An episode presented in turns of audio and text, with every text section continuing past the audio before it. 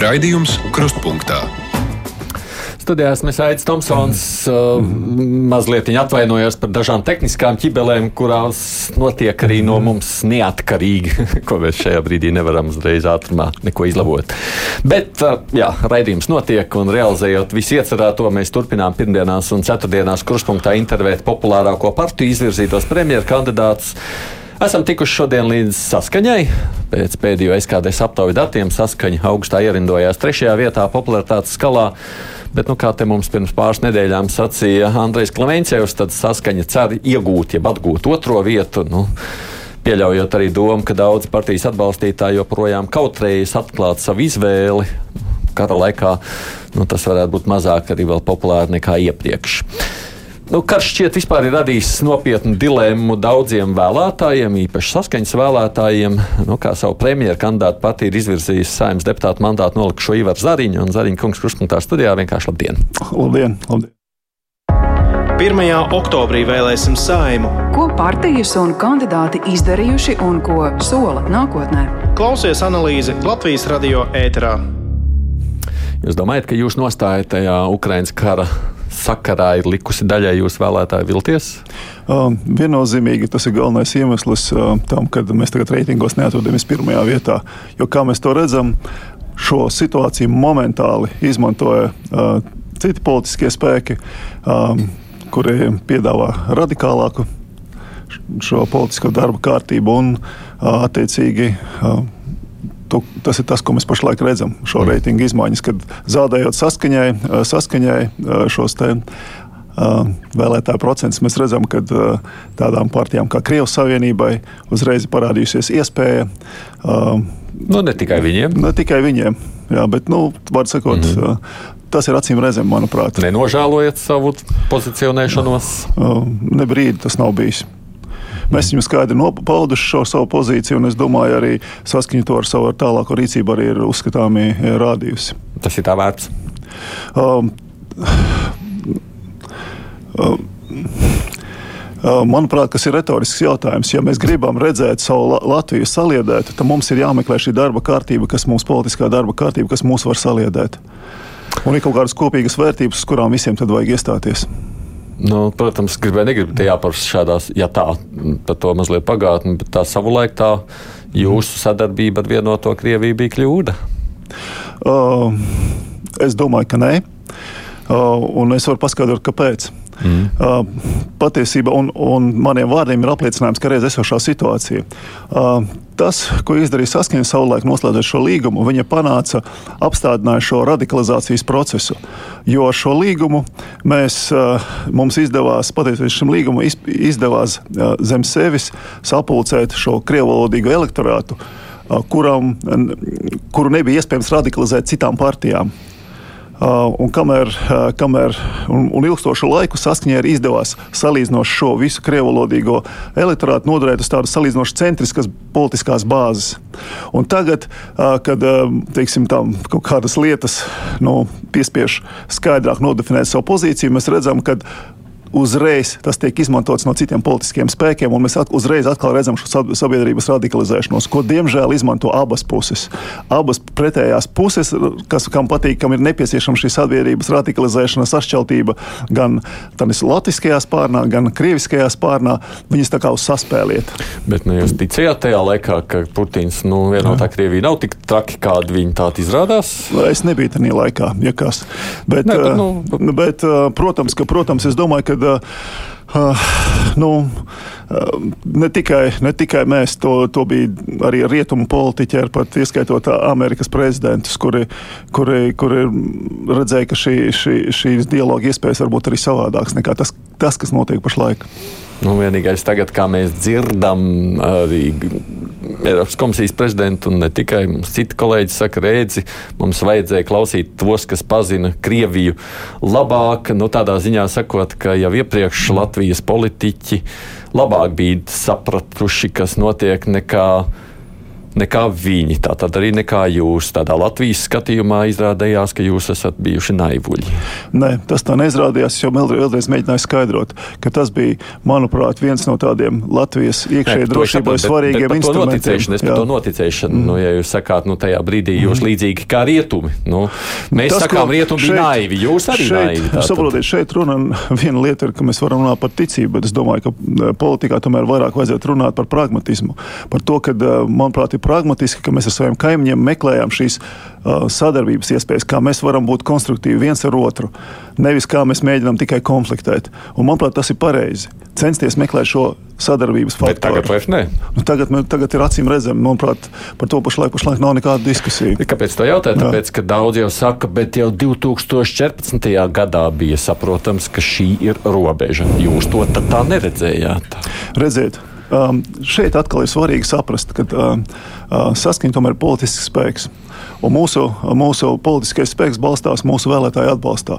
Un šeit mums ir jābūt, nu, manuprāt, nu, ļoti, tādai, nu, ļoti viedai pieejai, ļoti nu, ļoti prasmīgi jāmācās sabalansēt, sabalansēt to, lai nenotiktu tas, kas pašlaik notiek, kas kaut kāda daļa atšķirās un radikalizējas. Nu, mums tomēr šis savu vēlētāju, vēlētāju nu, sentiments, viņu iekšējās sajūtas arī jāsaprot, lai mēs kā politiskais spēks varētu virzīt Latviju nepieciešamajā virzienā. Un ļoti bieži pieņemot kaut kādus lēmumus, kuriem mūsu vēlētājs nav gatavs, viņi mūs vienkārši nesapratīs. Viņi kļūs par. Ne, domu saprotam, jūs. Redz, 14. gads jau kaut kādā mm -hmm. mērā bija līdzīgs ar 2022. gadu. Arī jau mm -hmm. tad bija okupēta viena daļas teritorijas, karš iesākās ar citas daļas mm -hmm. teritoriju nu, ticība labajam nevienmēr attaisnojas. Mm.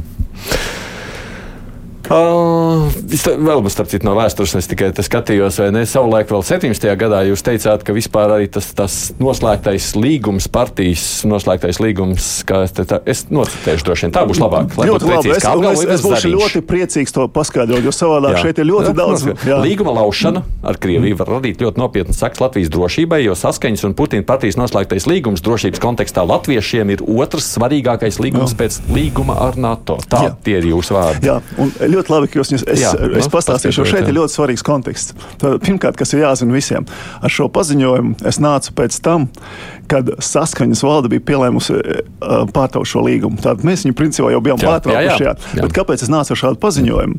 Um, tad es speciāli nācu ar šādu provocējušu paziņojumu. Tā bija mana, mana iniciatīva.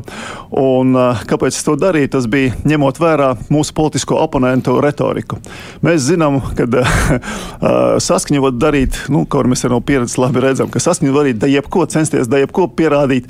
Mūs tik un tā visu laiku uzskatīs ka uh, tas, ko mēs darām, ir nepietiekoši, tas nav pareizi. Un es pabeigšu to domu. Jā, jā. jā, joprojām tā domā. Tas ir līdzīgs, ziniet, kā Čikāgas piecīšiem ir tā dziesma par lāci un stirniņu. Ka stirniņa varēja censties, kā viņa grib, bet lācis laikam teica, nē, tu esi vainīga, un, un, un viņa bija sliktā. Nu, lūk, un tas, ko es izdarīju, paredzot, paredzot to, ka pat ja mēs atteiksimies no šī līguma, nākušā retorika būs, nu jā, nu ko viņi atteicās, tas neko nenozīmē. Un es speciāli nācu ar tādu retoriku, lai piespiestu politiskiem oponentiem pateikt, nu nē, atteikšanās no šī līguma, tas ir saskaņai ļoti būtisks. Tas parādīs viņu patieso attieksmi. Un tad pēkšņi viņi uzzinātu, ka šis, šis, līgums, šis līgums patiesībā jau ir uh, pārtraukts. Un tādā veidā uh, nu, teiksim, mēs piespiestu. Upurējāt savus vārdus, ja apmēram tādā nu, pat neupurējām. Un, un arī būtības arī paskaidro, kāpēc es redzu, viņš bija svarīgs tiešām drošībai, bet nevis ārpolitiskajai drošībai, bet iekšējai, mūsu iekšējai drošībai. Jo, kā jau teicu, pateicoties šim līgumam, mēs apstādinājām šo radikalizācijas procesu sabiedrībā. Un, manuprāt, tas bija ļoti būtiski priekš mums. Jā, bet no, no otras puses jūs jau taču labi redzat un dzirdat, mm -hmm. ka joprojām ar jums neviens negrasās traucēties. Un te ir ļoti svarīgi saprast, kāpēc. Un tā ir no, ļoti svarīga lieta. Un šeit mēs nonākam pie mana versijas. Viņa zina absolūti perfekti, un esmu pārliecināts par viņas patiesību. Uh, mana versija ir tāda, ka uh, ilgu laiku saskaņa, uh, ja pret saskaņu netiktu novilktas sarkanās līnijas, tad uh, rezultātā Latvijā būtu iespējama reāla varas alternatīva. Rezultātā Latvija varētu sākt strādāt kā reāli tas pienākas demokrātiskā valstī. Ja esošā vara, tie, tie tās politiskie spēki, kas ir pie varas, viņi nepilda savus solījumus, uh, nu, viņiem citiem vārdiem sakot, nevelk valsti, tad viņus var nomainīt, kā tas pienākas demokrātiskā valstī. Un tas ir tas, kas padara demokrātiskās valsts varu stipru, jo viņa tādā veidā ir spiesta pašatiekties. Visas tās iepriekšējās nomaiņas nomaiņas, kas tur nāca, ieskaitot pat ar Artus kaimiņu partiju pie varas. Tas, Nebija- tā nav nomaiņa. Ne, tā nebija nomaiņa, tā bija esošās varas mutācija. Tas, kas visu laiku notikās un kāpēc tī tik principiāli Jūs nostāja. vienīgā opozīcija. Mēs esam vienīgie tie, kam ir pietiekoši liela gravitācija, kas var panākt reālu varas nomaiņu. Jo tas, kas visu laiku ir noticis, un to ļoti svarīgi saprast, tas, kas visu laiku ir noticis, pēc būtības ir viens un tas pats varas centrs, kas pieaudzē vienkārši kaut kādu, kā es teiktu, jauno gaļu, kuru pēc tam vienkārši jaunie bruņinieki, kur nāk, kā viņi saka, kā viņi cīnīsies ar puķi, un pēc kāda brīža viņi ir šī puķa vēderā un strādā atkal ar to puķi kopā. Saskaņa, pateicoties, ja būtu saskaņa, nebūtu šo sarkano līniju, tad mēs izve varējām izveidot pēc pagājušajām vēlēšanām reāli jaunu valdību, kura nāk, kura nāk ar tiešām visiem tiem saviem solījumiem, ko viņi varēja izpildīt, konservatīvie. Uh, tur, ie, ie, kā, tie, kas mums tur vēl bija, visi tie jau, jau politiskā, politiskie nelaiķi, ja? tad kaut vai to pašu stāsta par OIK. Viņi reāli varēja izpildīt. Pareizi izpildīt, profesionāli izpildīt. Tā tas- daudzām jā. lietām. Vai tas nozīmē, ka tajā brīdī, kad pieņemsim saskaņa nāca pie varas Rīgā, viņi visu nomainīja pilnīgi labu? Redziet, ir redziet, tas, ko jūs tagad sakat, kā reiz Nu, apliecina manus vārdus. Nu, Tāpēc, ka nu. Rīgā arī ir sarkanās līnijas savilktas. Ir sa un, un saskaņa atradās arī varas monopola apstākļos. Un ko šeit svarīgi ir saprast? Nav labu vai sliktu partiju. Ir vienkārši sistēma, kas spiež šīm partijām kļūt labākām. Demokrātijā tā ir pilnesīga, pol pilnesinīga politiskā konkurence. Ja viņa notiek, tad rezultātā partijas ir spiestas vadošos amatos likt nevis noderīgus idiotus, bet savus spēcīgākos, labākos cilvēkus, lai viņi pie varas noturēties. Savukārt tie, kas viņu grib nomainīt, viņi arī spiesti likt pretī vēl spēcīgākus cilvēkus. Un tādā veidā notiek šī attīstība. Tas ir tas galvenais iemesls, kāpēc Latvija ir tik neglābjami atlikusi no lietuviešiem un igauniem. Ne jau tāpēc, ka Leiši vai Igauni būtu gudrāki par mums vai apņēmīgāki par mums. Nekas tam līdzīgs. Es uzskatu, ka mums ir ar savu vēsturi, mēs esam pierādījuši, mums ir vienkārši grandiozākie, grandiozākās iespējas. Tomēr nesaprotu, Jā. kāpēc tajā brīdī, kad jūs bijāt partija pie varas, jums Rīgā bija jāliek noderīgs idiots, nevis labs cilvēks. Um, Nē, no, pie do, amatiem.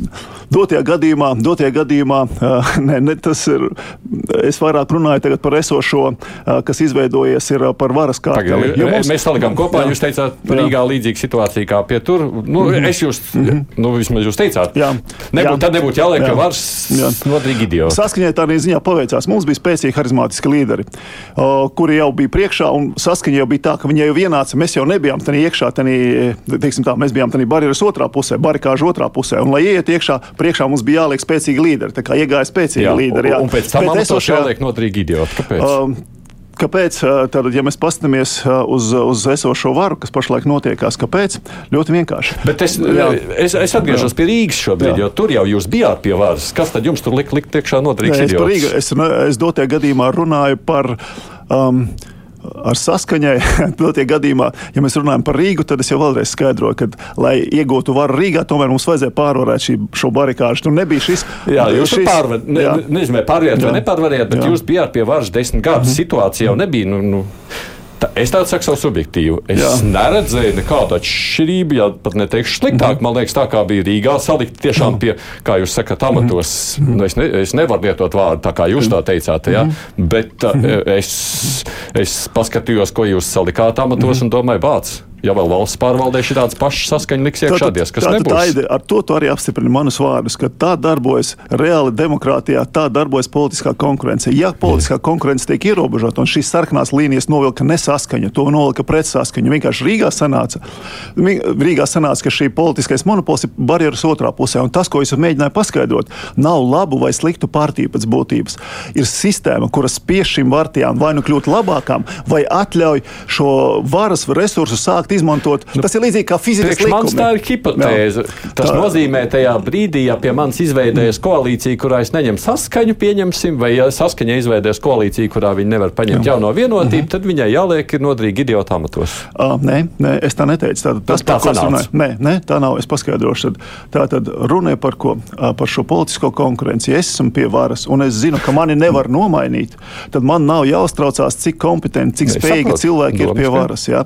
Nu, lūk, tas ir tas, kāpēc ir vajadzīgs pret saskaņu nolikt sarkanās līnijas. Jo tad izveidojas šis varas monopols, un tas, ko mēs redzējām, uzskatām ar, ar, ar teiksim, piesošās valdības, tad viņi var darīt da jebko, nepildīt nevienu savu solījumu, pat tos, kas rakstīti ir likumā. Un kāpēc viņi to var atļauties darīt? Tāpēc, ka viņus nevar nomainīt. Ja nebūtu šo sarkano līniju, ja varētu izveidot alternatīvu varas centru, situācija būtu pavisam savādāka. Un tā arī ir atbilde, kāpēc Leiša un mm. Igauni mums ir tālu priekšā aizsegušies, jo viņiem šis varas svars strādā. Ja kāds nevelk, viņu nomaina. Un tas ir tas. Šāda versija, šāda hipotēze darbojas tikai tad, ja jums ir tāda, piedodiet, lielumānija, kas sakot, visas pārējās partijas ir vienkārši. Mm. Un mēs esam vienīgā alternatīva. Vienalga, kas tur veidojās jaunas partijas, vai tur nāk Gobzems vai Šlesers vai, vai uh, Lembergs vai kas tur tāds mums ir apvienotais saraksts. Visi progresīvie, visi pārējie ir viens, jo mēs esam vienīgā alternatīva. Nē, Aidi, šeit ir svarīga matemātika. Mēs esam ar ko, ar ko saskaņot ilgus laikus. Pašlaik tik tiešām ļoti daudz ir spēku, bet svarīga ir matemātika. Vai jūs varat izveidot jauno varas centru bez vecajiem? Lai varētu, lai vecie nevarētu noteikt šo politiku. Un tur iznāca tā, ka tieši saskaņas balss ir tās, kas uztaisa, ka šī situācija kļūst tā, tautā sakot par īsu, ka nesenāk.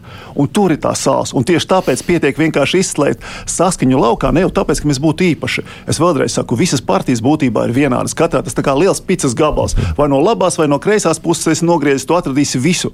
Atradīsi visu, visu, saka, visu cilvēku spektru, visas iespējas. Ja? Uh, šeit nav kaut kādu glorificēt vai demonizēt. Runa ir par to, ka, ja ir tas politiskās konkurences stāvoklis, tad, esam, tad tās partijas ir ieinteresētas, lai tas katrs gabals būtu pēc iespējas no. Nu. labāks. Ja viņa nav, tad notiek šī varas degradācija. Un pateicoties tam, ka saskaņa -hmm. izslēdz laukā, notiek tas, ka nepietiek šī, nepietiek šī skaitļa. Tikpat labi tās varēja būt arī kāda cita partija. Vienkārši ilgstoši tā bija tieši saskaņa. Nu, labi, man ir bail, ka es neuzsēžos jā. uz vienu tematiku, tāpēc es priekšu neiešu. Jā, es ceru, ka kļūs saprotams. Tikai šajā ne, doma jau jā. man jūsēja ir saprotama. Man liekas, es ceru, ka jūs sapratāt, kāpēc es savukārt tā reaģēju. Jā, tā, es jūsu reakcijām piekrītu. Tā premjera kandidāta izvirzīšana vienkārši no tāda viedokļa. -hmm. Nu, es jau redzēju, arī Jānis Damburs jums tā pašu jautāja. Mm -hmm. Zinot, ka jūs tāpat nebūsiet premjerministrs, nu, tā nav. Nu, Kāpēc tā ir vajadzīga vispār? Nu, pirmkārt, to nosaka politiskais žanrs. Pašlaik tā doma, diemžēl, ir noticis. Vismaz iespēja atnākt uz radio par runāt. jā, vismaz, jā, jūs mani, tā, starp citu, teiksim, kopš tā brīža, kad es sāku nopietni darboties ar Roja kafē, tā man neviens nav aicinājis. Jā. Uh, es gan būtu labprāt izstāstījis sabiedrībai, kā viņi tiek īstenoti. Ja? Mm, tas, tas nevienam izrādās īsti sabiedriskā mēdījā neinteresē. Aicināja tikai ekonomikas ministru, kurš stāstīja savu versiju par to visu. Ja? Es laikam publiski neteikšu, kāpēc jūs neaicināja kādu brīdi. Tāpēc, ka jūs kaut tad, kad aicināja, nevarējāt atnākt. Teicāt, Jā, jūs netiekat. labi. Bet atgriežoties pie šī interesantā stāsta par premjeru nomināciju, es domāju, ka tas būs tātad pie, pie tā, kā mēs redzam, ka visi no mums kā, kā saka, ir norobežojušies ar, ar visu iespējamo, ar, ar sarkanajām līnijām un visām, visu ko pārējo. Uh, uh, ir skaidrs, protams, ka uh, to, ko dara pašlaik esošais, uh, esošais es to saucu tā, varas kartelis, viņi veido, uh, veido sev iespēju tālākai pastāvēšanai. Skaidrs, ka, kā jau es mēģināju skaidrot, saskaņa ir jāizslēdz, un tad viņiem šis kartelis izdosies, jo alternatīvu varas centru nevarēs izveidot. No, nu, un, un, un, un, bet, Mēs runājam par esošo situāciju. Viņi cer, ka viņi varēs turpināt tāpatās tikpat bezatbildīgi, tikpat nekompetenti valdīt. Ne, to es sapratu, jā, jā, bet es domāju, un, tādā ziņā, kāda jums jā. jēga no visa šī, ko jūs darāt, ja jūs, nu, kaut vai jēga šodien, ka nē, nav tukšs, kaut vai jēga šodien mēs runājam, ir iespēja pastāstīt okay. par saskaņas lomu, par saskaņas nozīmi. Un, kā es to redzu, pašlaik uz doto momentu, tik tiešām ir tā, kā jūs sakat, jā, ir acīm redzamie Latvijas nolemti to ceļu, ko viņi ir sākuši šos četrus gadus, būs tas pats varas kartelis, plus paņems klāt ir jau mēs redzam tie paši ve vecie vēži jaunā kulītē ielikti, kuri, kuri izveido šo jauno koalīcijas kodolu. Redz, bet, kāpēc es to jautāju? Bet, piedodiet vēlreiz. Jā. Man liekas, mm. ka nu, šī sajūta, ka jūs zināt, ka visticamāk tā vai tā neviens ar jums nesadarbosies, ir radījusi tādu. Nu, iespējams, ka tas ir veidojies gadu gadiem, rezultātā zinot, Jā. ka nekas nesanāks. Bet uh, arī tādu paviršāku sadaļu, pieņemsim, skatījos nu, vienu citu partiju nesaukšu vārdā, citādi sanāks reklāma. Viņi tur izstrādājuši ļoti, ko viņi grasās programmatiski. Saprotu, ko jūs domājat. Ko viņi grasās programmatiski izdarīt, pieņemsim, jā. Bet tad, kad, pieņemsim, uh, uh, Dombors jums jautāja, kāpēc tad jums nav, jo jūs teicāt, ka svarīgi, pieņemsim, enerģētiskajā laukā vajadzētu, nu, ka būtu šī koncepcija, kurā, nu, skaidrs strādāt, programma, kādā veidā darboties, stratēģija, stratēģija enerģētikā, vai ne? Jūs teicāt, nu, Ja jūs būsiet premjerministrs, tad, vai būsiet pie amata, tad jūs mēnešu laikā izstrādāsiet. Mm. Bet jums arī nav iepriekš, tāpēc, kad Tāpēc, ka, tāpēc, ka nav vajadzīgs. Es ceru, ka pa par enerģētiku mēs at, at, atsevišķi parunāsim vēl. Es arī ceru, ka mums nāks Jā, bet sanāks. pabeidzot to stāstu par premjeru kandidātu. Jā. Tātad uz doto momentu tiešām objektīvi novērtējot, mēs redzam, kā, kāda veidos jaunā varas koalīcija un kas varētu būt visticamākie premjera kandidāti. Bet, es redzu, ka uh, šī situācija var mainīties un būtiski mainīties, jo tie tie, tie izaicinājumi, kur priekšā mēs stāvam, kurus, diemžēl, esošā vara nesies kā risināt, viņi pat neapzinās, cik viņi būs nopietni. Situācija var dramatiski mainīties. Uh, Un tad būs varbūt tā, ka saskaņa būs kā reiz tieši tas spēks, šis stils, kas palīdz savilkt visu kopā. Reiz, bet, ja mūsu- būtu tagad, pieņemsim, man enerģētikas kā Jā. stratēģija uz papīra, tad es varētu par to runāt. Bet man jau nav, jo jūs neesat izstrādājis. Jums varbūt galvā ir idejas, bet man jau te nav uz papīra. Tātad, ja, par, ja mēs runājam par tām 4000 zīmēm, tad būtu ļoti dīvaini, ja mēs tur sāktu Nē, rakstīt tur nē. Bet vispār bija- pats par sevi. jā, Jums, jā, pats tas šķiet ļoti svarīgs jautājums. Jā, ne? nevis Jūs man tikai ka tas šķiet- ir svarīgs. Nevis tikai Nu, man ir šķiet, svarīgs. es domāju, tas Piekrīt, objektīvi ir svarīgs, un šī vara to 20 gadus vismaz nav spējusi izdarīt pat 30. Jā, mēs bet redziet, jūs kritizējat varu, bet paši arī neizstrādājat. Uh, redziet, to būtu jāizstrādā nevis man pašam. Tātad, ja es kā premjerministrs es, es vadītu šo procesu, es zinu, kā viņu novadīt un tiešām uztaisīt stratēģiju, kas perfekti atbildīs. Es zinu, kas ir jādara, lai mēs uztaisītu stratēģiju, kas perfekti atbalst, at, atbildīs mūsu vajadzībām un kas būs pats, es to nepārspēlēju, teikt, labākais iespējamais resurs. Kāpēc jūs nevarat to partijas Ja es līmenī? būtu Kariņa. Ēda valdības līmenī, kā to dara ļoti daudzas pasaules valsts opozīcijas Ļoti labi, ka jūs partijas. paprasījāt. Tas ir lielās valstīs, kur ir šo, šīs partijas resursi, ir tāds, ka viņi var noalgot, ā, noalgot līdzīgi kā teiksim, mums ir valsts pārvaldē, ja mums ir veseli departamenti, štati, nodaļas, kas strādā konkrēti problemātiku. Ir citas partijas, kas to dara, kā mēs redzam. Es jau teicu, Piemēram, ir citas partijas, nevienam- kas es- to dara, izstrādā. Nu, varbūt entuziasms, bet pirms vēlēšanām saka, mēs esam enerģiski, mēs redzam, kā to vajag darīt. Lūk, mūsu piedāvājums. Uh, ir tā, ka tā ir lielā mērā diletantisms. Jā, tā, tā ir spēle uz, uz vēlētāju, uz vēlētāju nekompetenci. Varētu pierādīt, ka uzreiz pierādīt, ka nekas tur nav izstrādāts. Un, ja mēs runājam par enerģētiku, es zinu, kā viņu izstrādāt. Vienkārši, ka- un es zinu, kas ir tas darbs, kas ir jāpaveic, kāda ir jāsavāc analīze, kādi ir dati, kas ir jāizdara. Priekš tā ir vajadzīgs atbilstošs resurss. Ja, teiksim, es būtu kariņš, kariņa vietā es zinātu konkrēti, kam ko uzdot, kas ir jāizdara, lai to visu savilktu. Man apakšā nav šī, man nav šī štata. Nu, kaut kā uzskatāms piemērs, kā bija šo IK afēra, kur es viens vilku veselu maču pretī pret veselu sistēmu, kur tur bija aizmugurē juridiskie biroji labi. Es un jūsos sacītajā saklausu, nu, ka jūsu tajā partijā arī tāds pagurums iestājies. Uh, tas ir jūs tā vēlaties saklausīt. Tad, Protams, katrs var saklausīt, ko viņš vēlās. Nu, tā. ko es mēģinu pateikt, kad uh, jāsaprot, ka politiķi, nu, teiksim, manuprāt, kur ir vēl liela, liela kļūda, kad uz politiķiem bieži skatās, ka viņi ir tā tāds universālais karēvis, kurš var uh, būt vienlaicīgi šaut no vairākiem stāviem. Ja? Viņš nevar atrasties vienlaicīgi vairākos stāvos. Politiķim jābūt šo politisko uzstādījumu līmenī, pamat, pamatvīzijas līmenī, jāsaprot tālāk šie mehānismi, bet tālāk mm. konkrēti pienest, pienest šo visu munīciju, konkrēti novest līdz konkrētiem datiem, faktiem un tam līdzīgām lietām. Tam jau apakšā jābūt ir sistēmai, resursam atbilstošam. Par to ekonomisko lauku mazliet daļu precizēšanu, jo es Jā. Izgāju, protams, cauri jūsu visai programmatiskiem uzstādījumiem, tam, ko jūs tur sacījušies. Tātad Es domāju, labi programma sanākusi? Jā, nu saskaņa Jā. iestājas m, vienkārši, lai saprastu. Jā. Klausītājiem, domāju, arī būtiski saprast. Tātad jūs iestājaties par to, ka daļai preču un pakalpojumu vajag valsts regulējumu. Es tādu nocitēju no Jā. programmas. Jūs varētu izskaidrot, par ko ir runa, kuriem jūs Jā, redzat to. tas sāksim konceptuāli, lai būtu saprotams. Tātad Latvijas specifika ir kāda. Mēs esam maza valsts. Mums ir maza ekonomika, un problēma ir tāda, ka daudz ekonomikas brīvā tirgus principi viņa mazā ekonomikā nestrādā pietiekoši efektīvi, un sākas tirgus deformācijas. Nu, teiksim, kaut kā mēs to uzskatām, var redzēt, cilvēki prasa, kāpēc mums zāles maksā dārāk nekā visur citur. -hmm. Tās pašas zāles. Jā, Nu, daudz mums ir nu, mazāks jā, tirgus, līdz ar jā, to tāda Jā, un kas jā. notiek? Sāk veidoties, sāk veidoties šī līdzīgi kā, kā politikā mēs runājam, ja, ka sāk veidoties šī, šī varas koncentrācija, ka viņi var sākt manipulēt ar šo tirgu. Vai arī kā šeit, ja spēlētāji ir maz, viņi savā starpā vai nu karteļu vienošanās var notikt, vai vienkārši viņi izmanto domu saprotam, jā. Tad- Nu, lūk, un tad šeit ir jāpiedalās, un tas ir normāli. Tas ir, nu, to es varu pateikt, kā cilvēks, kas ir nu, bijis ar regulēšanas jautājumu nodarbojies.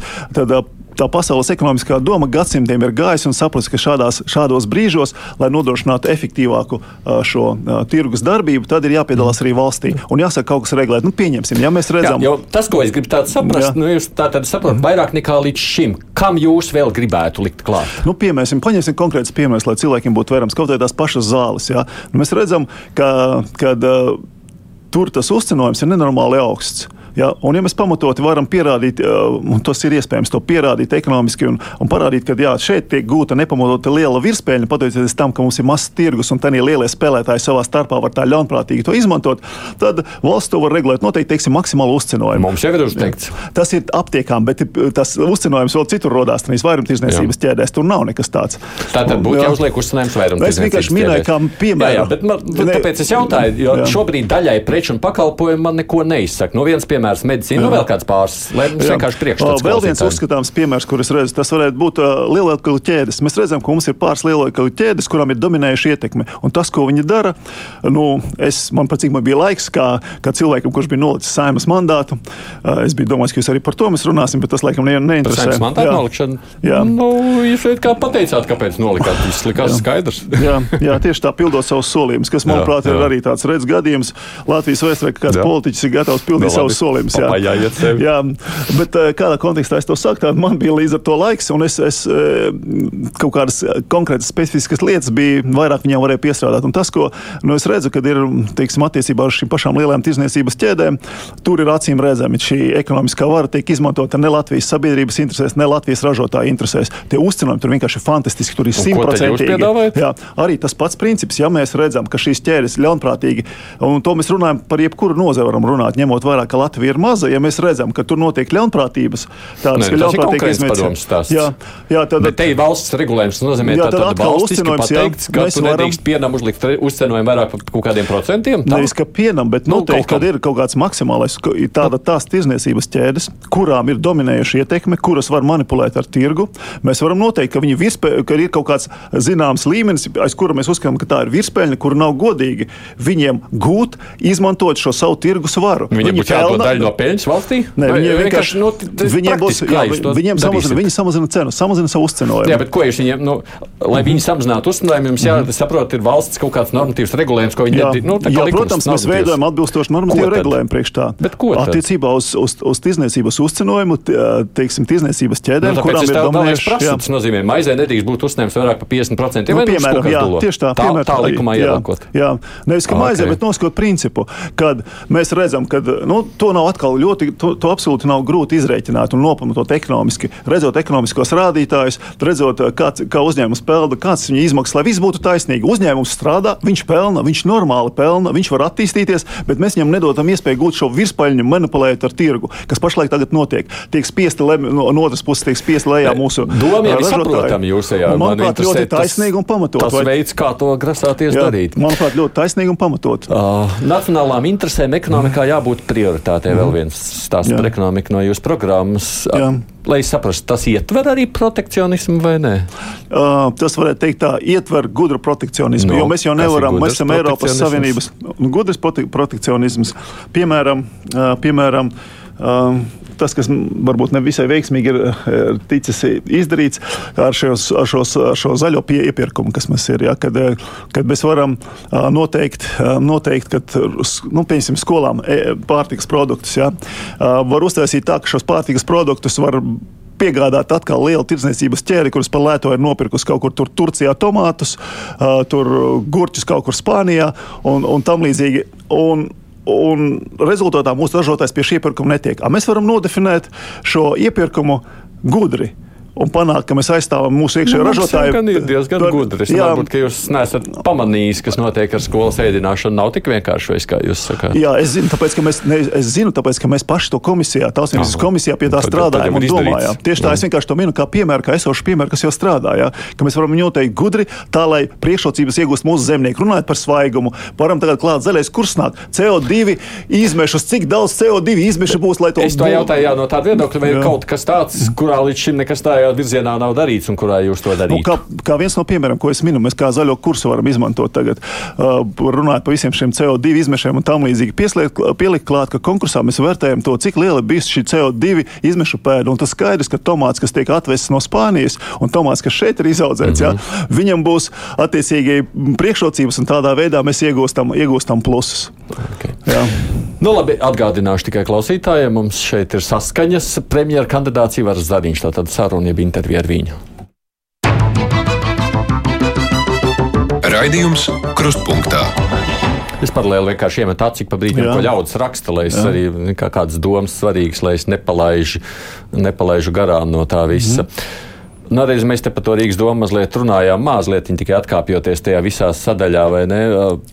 Nu, Pārlieciniet mani, jo es domāju, ka šis ir vēl viens arguments daļai no vēlētāju. Tomēr mm. ne tikai šī Krievija, bet arī tas pieredzētais Rīgas domē. Uh, ka nu, jūs to pāris gadu laikā, kas ir nu, pagājis kopš viss tur samainījās pilnībā, kā arī jūs esat nu, mainījušies, tur nožēlojuši, sapratuši, partiju attīrījuši mm. par to savu ielikšanu visur.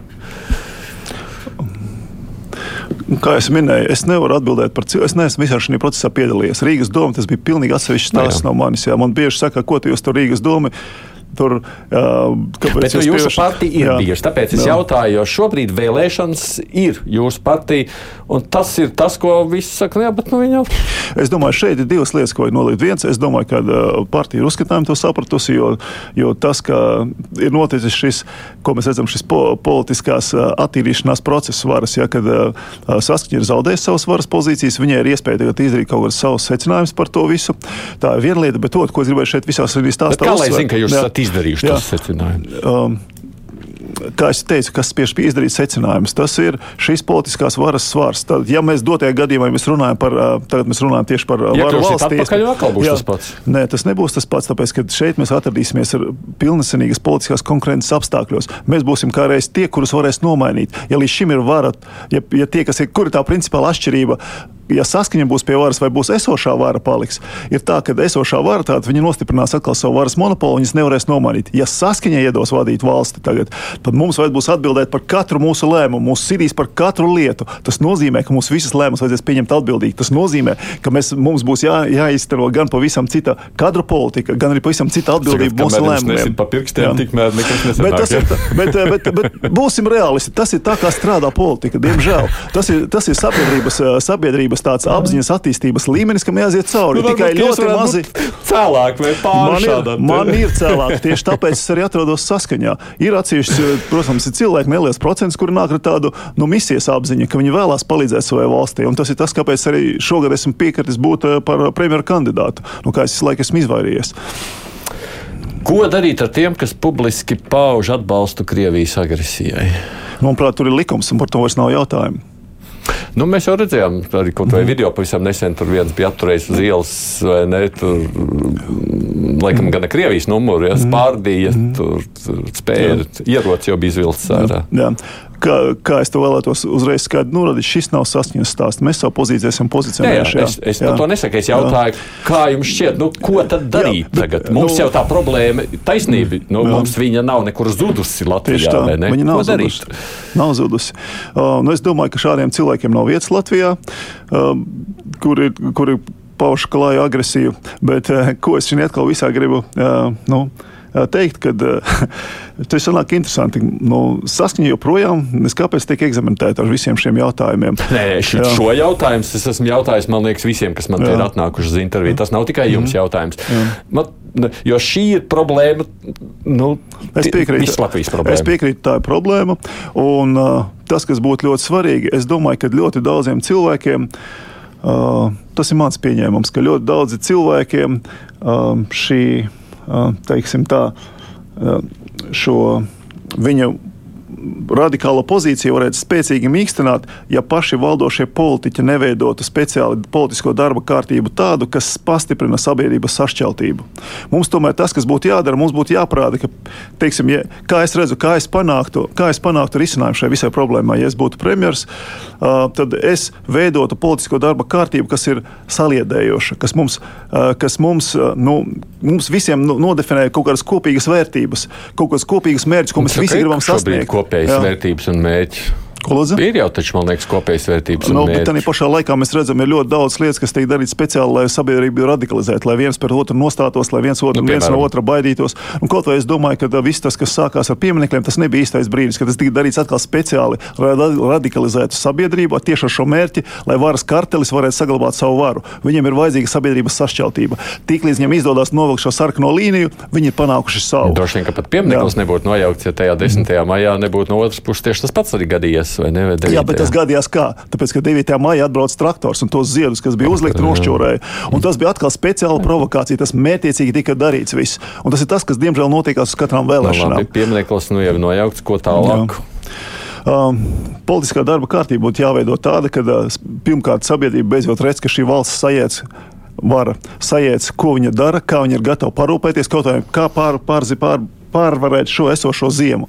Ka šī vara nāk un parāda, jā, mēs atbildīgi risinām, mēs saprotam šos izaicinājumus, mēs zinām, ko mēs ar viņiem darīsim, kā mēs to visu pārvarēsim, ka nevienam nebūs jābaidās, ka viņš nosals uz ielas, ka varēs samaksāt savus rēķinus pirmsvēlēšana laikā, man liekas, runāja gandrīz viss. Bet tā ir tukša mūldēšana. Es to uzskatām, pierādīju kaut vai jūs skatījāties pie Dombura 30 sekundēs, kā šī vara bezatbildīgi melo sabiedrību pirms vēlēšanām. Viņa nav gatava neko risināt, viņa pat nesēdz, ko risināt. Un pēc tam, pēc dažām dienām, pēkšņi karņam nāca atklāsme, vai tik tiešām tas atbalsts, ko mēs esam paredzējuši, varētu arī nepietikt. Tas bija acīm redzami, nekas tur nepietiek. Viņi vispār par to nav domājuši. Patiesību mēs uzzināsim pēc 1. oktobra. Kaut vai tas uzskatāms piemērs par šo pašu gāzes rezervu rezervācija. Tagad tas arī es to esmu publicēju, publicējis gan savā Facebook lapā, kā tas var izlasīt, gan arī, kā es saprotu, pietiek komiņu pārpublicējis, kur es parādu, kādā veidā mums stāsta, kā mums ir rezervēta gāze. Kad elementāras lietas pat nav izdarītas. Patiesībā mums nevis gāze ir rezervēta, visdrīzāk ir zaudēta tiesvedība rezervēta rezultātā. Un tā ir kaudzēm šo bezatbildību un visas šīs eh, nu, teiksim, neizdarība. Un rezultātā cilvēki, kas to visu redz, Viņi ir negācijās pret šo valsti. Un, ja vēl šiem cilvēkiem visu šo gadu viņu politiskā izvēle ir visu tikusi ignorēta, jūs ejiet balsojot, tas nekas, ka jūsu politiskais spēks uzvarēs. Mēs jums mm. iedosim figu. Tas arī rada visu šo stāstu. Te ir ļoti svarīgi saprast, ka nevis tie krievi cilvēki ir vainīgi, bet šī vara, kas mērķiecīgi ir īstenojusi šo sašķeltības politiku Latvijā, lai panāktu to, ka viena puse jūtās aizvainoti, otra apdraudēta. Savukārt par šo klausoties nāk doma, ja redziet, ja savukārt jūs būtu bijuši pie varas iepriekš, man liekas, ka te vēl es atceros, jūs taču tieši kaut kā ļoti gribējāt kļūt par satiksmes ministru amatu. Nē, tā nav 2001, nu kā tad? Nē. Es nekad neesmu rāvies uz amatiem. Nē, jā, tieši otrādi. Jūs teicāt, ka jūs būtu vislabākais saskaņas ministra kandidāts. Jā, tā būtu. Jā. Un ja jūs būtu, tā tad, būtu. Jā, jā, jā. Tā būtu. Tāpēc, ka arī jūs uzskatījāt, ka tā sadarbība ar Krieviju tajā brīdī bija ļoti svarīga. Bet redziet, mēs redzam, ka cik sāpīgi tas mums šobrīd maksātu, ja mums būtu jāpārcērt jebkuras ekonomiskās saites ar Krieviju tik strauji. Mums jau tagad tas ir ļoti sāpīgs stāsts, bet, ja jūs būtu veidojuši ļoti draudzīgu biznesa, tirzniecības attiecību ar Krieviju visus šos iepriekšējos gadus, tad mēs tādu būtu tādā Es nepasaku kaut kā nepareizi. Nu, sāksim tā, ka tas, ka mēs tur, kur mēs tagad pašlaik esam un esam tik negatīvi, tas nav saskaņas, bet esošās varas nopelns Jā. ar viņas bezatbildības, kaut vai tas pats attiecībā uz enerģētikas. Jūs man sapratāt. Es saprotu jūsu domu, bet es viņai nepiekrītu. Kāpēc? kāpēc? Es jums paskaidrošu, kāpēc. Tāpēc, ka visu šo laiku mēs būtu uh, uh, izmantojuši, mēs būtu, uh, mūsu tautsēmniecība visu laiku būtu iegūsi, mēs būtu attīstījušies. Mēs būtu ļoti aktīvi draudzējušies ar Krieviju. Pagaidiet, redziet, neejam šīs galībās. Mēs jau ekonomiskā ziņā. Ekonomiskā ziņā, jā, mēs būtu izmantojuši tās iespējas, ko mums dod nu, Krievija par šo laiku. Tātad, šeit paralēli tas nozīmē, ka būtu uzkrājis kaut kāds kapitāls, kaut kādas papildus iespējas. Un šīs iespējas tagad mēs tālāk varētu viņas konverģēt, pārlikt uz kaut ko citu, ko mēs nevaram izdarīt pašlaik. Jūs zināt, ko nozīmē, cik ātri kaut ko pārlikt uz kaut ko citu. Kas, kas, atceramies 98. gads jau, kad bija pirmā Krievijas krīze, cik mums dārgi cik mums liela krīze mainīja tajā brīdī, kad bija no daļas no tirgus jāatsakās. Un tā tas ir bijis vairāk kārt mūsu vēsturē. Un tad, ja tas viss būtu bijis tādu vienu rāvienu, mēs būtu tādā bedrē. Um, um ir tā, ka um, nekas, tas, ko mēs tagad runājam, tas ir ļoti hipotētiski. Tas, ko jūs sakat, jā, nē, varbūt jā, jūs, tas apmēram tā, pārbaudīt. Jā, jā, bet redzēļ, tas ir apmēram tāpatās, kā apgalvot, nu, ka vasarā nu, mēs varam peldēties, tur staigāt, staigāt apģērbušas un pēkšņi, un pēkšņi ziema. Pēkšņi ziema neuznāk. Tas ir process. Un tam procesam varēja gatavoties līdzīgi. Mēs redzam, ka uznāca ziema. Nē, nekas tam līdzīgs. Absolūti nekas tam līdzīgs. Tad pastamies uz lēšiem, ja mēs runājam par šo pašu tranzītu. Viņi izmantoja, izmantoja austrumu koridoru iespējas, lieliski izmantoja, sadarbojās gan ar Baltkrieviem, gan ar Krieviem un paralēli šo potenciālu, tas, par ko es runāju, šo potenciālu, ka viņam tranzīta potenciāls, tur kapitāls uzkrājas, iespējas viņi pelnīja, viņi veido alternatīvu infrastruktūru, viņiem ir saušliežu dzelzceļš, viņi var iet iekšā Eiropā, Tad, viņi tur var strādāt. Tas ir tas, par ko es stāstu, par ko es runāju. Tad, Tad, ja, ja jūs būtu bijis satiksmes ministrs, jā. jūs būtu nevis strādājis austrumvirzienā, kā jūs tajā brīdī to teicāt, bet jūs būtu būvējis dzelzceļu uz Lietuvu. Tas ir, tas ir, saprotiet, tagad tās ir spekulācijas. Netic, netic. Jā, es, es saprotiet, tās visas ir spekulācijas, un uh, mēs varam paskatīties, ko darīšu mūsu, mūsu gudrie viedie ministri. Jā. Kas ir bijis panākts? Jā. Mēs paskatāmies, ka Jā, ir katastrofa. Kaut vai tas pats, kas notikās ar Air Baltica, ar, ar, ar Air Baltica. Jā. Ar Airbo, jo Jā. Rail Baltica viss šobrīd notiek. Nu, jācer, jācer, ka notiksies un kaut ko arī uztaisīs. Mm. Par tām sarkanajām līnijām, lai mēs tādu precizētu. Jums nav nekāda sarkano līnija. Jums. Mums ir sarkanās līnijas ar tiem, kuri nav gatavi strādāt Latvijas labā. Nu? jā, un kuri, kuri piedāvās Latvijas šķeļošo, Latvijas sabiedrības šķeļošu politiku. Kura te ir? Nu, ja tādi būs, tad tā, Ne, tās bet, būs nu, mūsu sarkanās ir līnijas. jā. 18 saraksti. Jā. Tur ir kāda no tajā. Bez Nu. jums 18. Um, Ja mēs paskatāmies, kas piedāvā šķeļošu sabiedrībai, šķeļošu politiku, tad mēs redzam abos galos tādas Nu, partijas. nosauciet.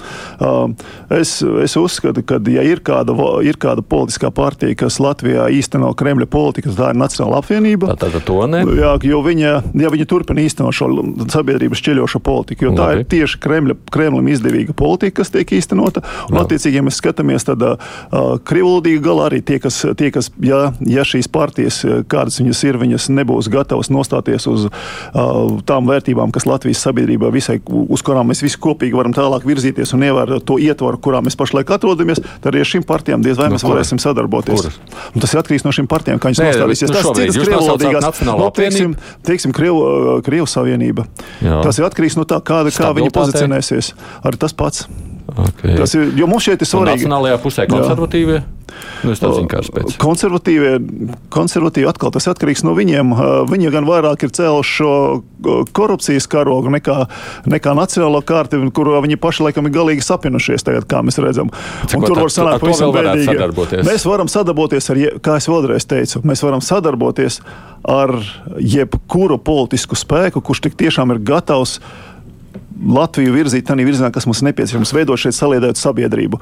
Tas varbūt kaut vai pats vēlams, mēs ar viņu izdancināsim, liksim viņam strādāt Latvijas labā. Pašlaik pravicējošs jautājums Jā. no manis. Nu, jūs savulaik esat bijis arī Šlesera padomnieks, ar viņu jūs labprāt sastrādātos. Uh, es jums vēlreiz jau nodefinēju to visu. Um, un uh, par, par Šleseru tas varētu būt atsevišķs stāsts. Es nezinu, ja būtu laiks. Kādā ziņā atsevišķi? Nu, tādā ziņā, ka. Uh, Par pagātnē, es domāju, par nākotni. Par nākotni. Par nākotni vēlreiz. Uh, Nu, jūs jau redzat, ko viņš saka publiskajā telpā, taču zināt. Viena lieta, ko cilvēks saka, otrs reāli, ka mēs uh, nosēdīsimies pie galda un reāli runāsim par reāliem darbiem. Okay. Vai cilvēki ir gatavi uz šo kopīgo darba kārtību vai nē? Es redzu, ka daudzas lietas tiešām. Bet sēdēt pie, visi, pie viena galda jūs būtu ar visiem, izņemot Nacionālo apvienību. Nē, kāpēc? Mēs varam sēdēt ar Nacionālo apvienību. Vienkārši viņiem jābeidz īstenot Kremļa politika. Nu, labi. Es skatos, kas vēl tālāk man nāk no visas šīs sadaļas, tam līdzīgi. Jūs aicināt, un tas ir tad, tad jūsu partijas tā, tāds aicinājums, publiski sacelt valsts aizsardzības dienestu šobrīd. Uh, Apstādināt to visu. apstādināt, jā, jā, jā. Konceptuāli atbalstāt, lai es precizētu atkal. Um, redziet, kas ir ar, ar to valsts obligāto dienestu. Pašlaik izstāsta, kā tā pasakā, kā, kā zaķītim rezīša kažociņu. Ka teorijā ļoti labi, ka viņam viņš noderētu, ka viņa neviens tad neapbežotu, bet, kad mēs sākam skatīties praktiski, kā tas īstenos, tad paceļās vairāk jautājumu, kas drīzāk parāda, ka šis obligātais, tad pirmkārt, kas ir jāsaprot, ka saskaņa ir par drošu Latviju. Un, ja, ja šāds dienests var būt tam risinājums, mēs, varam, mēs atbalstam un ejam uz priekšu. Taču pašlaik tas, ko mēs redzam, ka šis visdrīzāk būs varbūt pat pretējs risinājums, ka nevis viņš palielina, bet samazina mūsu aizsardzības spējas. Jo priekš šī aizsardzības diena, tāda obligātā militārā dienesta būs nepieciešams. Viens ir kad, uh, nozīmīgs resurss, bet uh, otrs ļoti svarīgs ir cilvēku resurss. Šie profesionālie kareivi. Mēs jau pašlaik nevaram savu obligāto, tas ir brī- brīvprātīgo profesionālo dienestu nodrošināt, nepieciešami nokomplektēt. Ja? Un kur mēs radīsim iztrūkumu un, un kaujas spējas samazināšanās šīm, šīm vienībām, kam pašlaik ir kā vajadzētu rūpēties par mūsu drošību. Tā ir viena lieta. Nākamā lieta, kas nav atbildēta, kādā veidā mēs panākam to motivāciju, lai tur cilvēki e, tiktu iesaistīti un tiešām tas, tas viss jā, es tāpēc par tas to ir konceptuālo ideju. Bet tā, tur jau tā lieta, lai to konceptuālo Jā. saprastu, es redzu personīgi, es kā Tad redzu. jūs arī tajā brīdī, ja saimā nonāktu pirmais lasījums, mm -hmm. jūs Jā. Jā. arī konceptuāli balsotu pret. Um, pagaidiet, tātad tas, ko mēs, mēs uzstādīsim virkni jautājumu, jūs iedodat atbildes uz šiem jautājumiem, pasakiet, kā jūs viņu varat īstenot, lai, tā nesanāk, lai no tā nesanāk no efekta, nesanāk mm defekts. Jo iespējams, ka, teiksim, ja mēs to paskatāmies, teiksim, kā man pirmais jautājums rodas, bet kā tad ar mūsu zemesardzi? Varbūt tās mums pareizāk ir nevis uh, tas, kas mums ir vajadzīgs, jā, lai mūs stiprinātu savus šos bruņotos spēkus, tad mums ir, mums ir vajadzīgs šis, šis mobilizācijas resurss. Jā. Uh, tad varbūt tās pareizāk šo naudu ir veltīt nevis obligātiem militāriem dienestam, kur liela daļa cilvēku nebūs nebūs motivēti atrasties, negribēs neko mācīties. Es pats esmu bijis obligātajā militārajā dienestā, tāpēc es skatos ļoti uzmanīgi pret šo visu stāstu. Bet Ar ļoti lielu skepsi. Ka padomju vēl. Jā, vēl, vēl man nācās padomju, vēl jā. kā studentam iet, un es atceros, kāda tā bija, cik tas spēcīgi sit pa jūsu paša personības izaugsmes plāniem, ka jūs esat beiguši mācīties, jūs grib- gribat tālāk mācīties universitātē, un jums jāiet armijā Mm. dienēt. Un es iedomājos šos cilvēkus, kas tur atradīsies, ar kādu atdevi viņi to darīs. Tad varbūt tās labāk šo naudu ir virzīt mūsu zemesargiem, šo naudu samaksāt un taisa mūsu zemesardzi, kur tiešām cilvēki nāk motivēti, brīvprātīgi. Un, manuprāt, tas būtu labāks risinājums. E, Mazliet par ārpolitiku vēl tomēr, nu, kamēr mēs esam, jo Jā. tas arī jautājums, protams, kas vienmēr premjeru darba lokā ir ļoti aktuāls. Vajag paplašināt Eiropas Savienību? Es domāju, ka tas ir, tas ir jautājums, kurš ir ļoti rūpīgi vērtējams. Jo, uh, ko nozīmē paplašināt Eiropas Nu, Savienību? šobrīd mums ir vesela Jā. kaudze, kaudze Jā, mums virkne ir valstu. Virkne Tajā valstu. tika pieminēts Ukraina, Moldova, mm, ā, ā, Gruzija. Un tad vēl, piedodiet, un tad vēl ir Balkānu valsts. Jā, virkne valsts, tur jau tā lieta. Un, manuprāt, atslēga šeit ir, cik šīs valstis ir gatavas iekļauties Eiropas Savienībā. Ir taču tomēr kaut kādas, nu, mēs paši atceramies savu procesu uz Eiropas Savienību. Tā bija virkne lietu visās virkne jomās, kas mums bija jāizpilda, lai viņas būtu atbilstīgas. Tur Un jau šeit redzu, valsts ir izpildījušas, bet tur ir politiski šobrīd nobremzēts. Tāpēc, ka vienkārši ir iekšēji politiska pretestība. un Tas ir tāpēc Jā. jautājums. Jā, nu, teiksim, kā es to redzu, nu, atkal skatoties tīri strateģiski, tad esošajā brīdī, kad pat Eiropa plīst pa šuvēm, mums ir problēmas, ja, kuras mums jāatrisina mm. pašai Eiropas, jau tādā esošajā ietvarā, kas mums ir. Es domāju, ļoti svarīgi būtu pirms viņas pārvarēt un tad skatīties, kā mēs ejam tālāk. Lai nesanāk tā, kad mēs, kad mēs uh, uh, teiksim, tā, labu, it kā labu gribot, Jā. uztaisam šo paplašināšanos un saplīst Eiropu pa Labi, šuvēm. tāpēc tas jautājums tiek likts no pieņemsim vairākiem politiķiem, tā skaitā Vācijas kanclerā, šādi paplašinām, bet reformējam Eiropas Savienības uzbūvi. Nu, kā tiek pieņemt lēmumu, pieņemsim atsakoties no veto tiesībām virkni jautājumu. Redziet, tas ir, tas ir tas, kas mani padara uzmanīgu. Jo mums, uzvedība, mazām, mazām valstīm, tas var ļoti atkal daudz ko, mēs varam atkal, kā saka, mēs esam pieredzējuši to, kā lielas valsts mūs pamet zem saviem riteņiem. Un tāpēc šeit, manuprāt, vajadzētu ļoti uzmanīgi paskatīties to bez ilūzijām. Saprotot, ka kaut kādas, kā mēs to redzam, ka grūtos laikos sāk katrs raut deķīt uz savu pusi, un ka neiznākam mēs tie, kuri paliek bez šī Nu, deķīša. tas ir tāds grūtais izšķiršanās Jā. jautājums. Kas būtu svarīgāks? Tad, protams, ja Ukraina ir gatava, pieņemsim, ļaut viņiem iestāties Eiropas Savienībā vai tomēr saglabāt savas veto tiesības. Jo beiga, beigās izskatās, ka tāda varētu būt izšķiršanās. Um, jūs tiešām uzskatāt, ka Ukraiņa ir gatava iestāties Nē, Eiropas Savienībā? gatava, tad, nu, bet būtu. tad arī runāsim. Tad būs tad jāstāsta, kāda būs situācija. Jo pašlaik kaut vai to, ko mēs redzam, es atvainojos, bet tomēr austrumu tas, kas ir viena tāda, manuprāt, liela fundamentāla problēma, kas ir visām austrumu Eiropas valstīm, tā ir korupcija. Un ar to absolūti nav tiks galā. Kāpēc to jautāju? Tāpēc izklausās, nu, ka mums ir svarīgāk tomēr savādi strūns par Ukrainu. Apmēram tā, vai ne? Um, Tu galu galā mums tomēr ir pirmkārt jādomā par savu valsti, kā var pastāvēt, un šeit jāstāsta šis ietvars, kādā veidā mēs viņu veidojam pareizi. Jo, saprotiet, nu, pat ja mēs tagad atdosim visus savus resursus Ukrainai, cī, Ukrainai cīņā, mēs viņai nevarēsim palīdzēt. Ja tas kopējais ietvars būs nepareizs, ir svarīgi, lai būtu pareizs šis kopējais ietvars un veidotos šī sinerģija no visām pusēm. Jo pretējā gadījumā kāda tas, ko, nu, teiksim, kad sākās visa šī, ekono, šī ekonomisko sankciju karš, uz ko es aicināju, kā es būtu darījis, ja es būtu Latvijas premjerministrs, tad zinot, ka mēs būsim Baltijas valsts, tās, kuras sitīs visspēcīgāk visas šīs sankcijas. Un neskatoties to, ja mēs esam gatavi, ja pasakām, ka mēs esam gatavi iet šī ķīļa priekšgalā šo ek- ekonomisko sankciju karā, tad bija jābūt vienotai Eiropas politikai, kur tie, kuri sēž un kuri domā, domā kā, kā tur ērtāk iekārtoties, viņi palīdz mums viņus pārvarēt. Un tas būtu pareizi, kā to visu veidot kopīgi. Mēs nevaram vienkārši ar labu gribu, ar, ar, ar, kādā ziņā ar sankcijām. sankcijām Jās, jāpastiprina, jāsaglabā. Sankcijas ir jārevidē, jāpārbauda, jāstāsta, kas strādā, kas nestrādā. Un ne, nu skaidrs, ka esošais sankciju karš, tāds kāds viņš pašlaik ir, es neredzu, ka Eiropai ir kaut kādas iespējas atkāpties. Es domāju, ka viņš turpināsies, būs vēl smagāk. Mums jāgatavojas ilgstošam, smagam sankciju karam. Un pats galvenais, ka jāgatavojas. Nevis vienkārši jādomā, kas jūs būtu gatavs to atbalstīt. Esmu gatavs, es, pagaidiet, es jau vēlreiz minēju, šeit ir jātaisa nopietna šī nu, revizija, jāsaprot, kas strādā, kas nestrādā. Lai nesanāk tā, ka mēs domājam, ka mēs uzliekam sankcijas Krievijai, bet rezultātā sankcijas vairāk esam uzlikuši sev. Jā, Teiksim, ok. uzskatāms, Bet lai uzskatāms, nesnāk arī tā, kā tas Jā. ir Ungārijā, ka beig beigās savādi svarīgāk par vispārējo. Uh, Tas, tas, domāju, Latvija absolūti nedraud. Bet tas, ko es gribēju pateikt, mm. runājot par sankcijām, manuprāt, kur es redzu, kur es pavasarī jau brīdināju, kur Eiropa kļūdīsies, bija šī politika attiecībā uz ekonomisko sankciju karu ar energoresursiem. Rezultātā, ko mēs redzam, beidzot viņi nonākuši pie tām atklāsmēm, par kurām es pavasarī brīdināju, kad, kad Krievija ir nevis zaudējusi, bet tieši otrādi vēl papildus nopelnījusi pateicoties šīm sankcijām. Un tas ir slikts piemērs. Tādas sankcijas mums nevajadzētu. Savukārt mēs par to šī ziemā maksāsim ļoti dārgi. Tik dārgi, ka tas tiek noklusēts.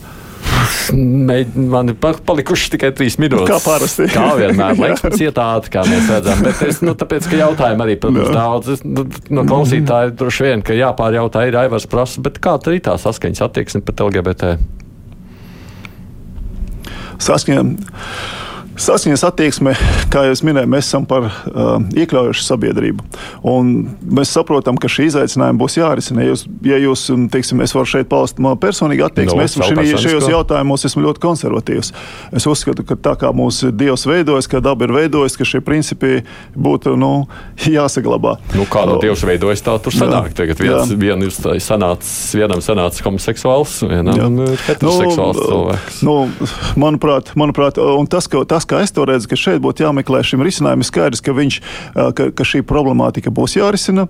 Un, es redzu, ka šeit var, var mēģināt rast šo risinājumu, lai no vienas puses sas, mūsu satversmē ietvertie principi attiecībos ģimeni tiktu ievēroti, lai arī teiksim, mēs nenonāktu konfliktā ar, ar kristīgām vērtībām, kas mūsu tautai ir ļoti svarīgas. Un otrs puses, lai tiešām rastu risinājumu, kā šo, kā šo nu, nu, sabiedrību mūs padarīt iekļaujošāku, lai tie cilvēki, kuri vēlās kaut kādā savā kopdzīves formā dzīvot, lai viņiem būtu iespēja vienam par otru parūpēties. Kā mēs zinām, tur jau tur viens ir slims, otrs aiziet pie viņa uz, uz, uz, uz, uz slimnīcu vai tur mantot kaut kādu mantu. Partnerattiecību likums. Jā, es domāju, ka tas ir, tas ir risinājums. Mēs redzam, ka saskaņa arī tur nav līdzējusi un palīdzējusi. Tāpēc, kad, jā, mēs, tāpēc, kad to darīt, uh, to darīt uz uh, aizējošās saimas rēķina, kad principā vajadzētu būt normālai izvērstai debatē, nevis tā uz ātro hoptulītās pieņemsim, lai kāds kas saka, tādā politiskā karstumā, manuprāt, tas nav pareizi. Tas būtu jādara nākošajam saimas sasaukumam, mierīgi jāapsēžās, jāsaprot, kas tas īsti ir, kā mēs uz to visu virzamies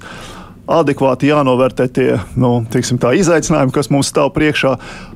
Kas mums īsti ir reāli svarīgi, ko mēs vēlamies saglabāt, kā jau minēju, manuprāt, šīs atversmes iekļautās vērtības ir svarīgi saglabāt. Nē, šis vienkārši ir interesants fakts, jo man liekas, ka es to tādu lieku aiz auss. Jūs sakāt, Jā ka pēc vēlēšanām jūs tomēr esat gatavi šai diskusijai un iespējams mainīt. Diskusijai mēs esam gatavi, bet tā, kāda būs pozīcija, to mēs redzēsim no tā, kas tur gal galā sanāks. Jo, jo diemžēl tā kā mums ir bijis saimā ļoti bieži, kad uh, ir kaut kāda ideja, bet izpildījums ir. nu, saka, nu, tas ir skaidrs, jā. jā, bet vai es pareizi saprotu arī pašā saskaņā šeit jums ir dažādība viedokļu? Jā? Mums ļoti, mums ļoti daudzos jautājumos ir dažādība, un tas ir normāli. Bet tā ziņā mēs esam tiešām reāli demokrātiska partija, kas, kas, kas nebaidās no iekšējā iekšējās diskusijām, pārspriest kaut kādas lietas. Un, bet mums vienmēr ir izdevies, tā ir mūsu firmas zīme, tomēr pieņemt kaut kādu vienotu pozīciju. Un, ja mēs viņu esam pieņēmuši, tad mēs turpmāk viņu arī ievērojam.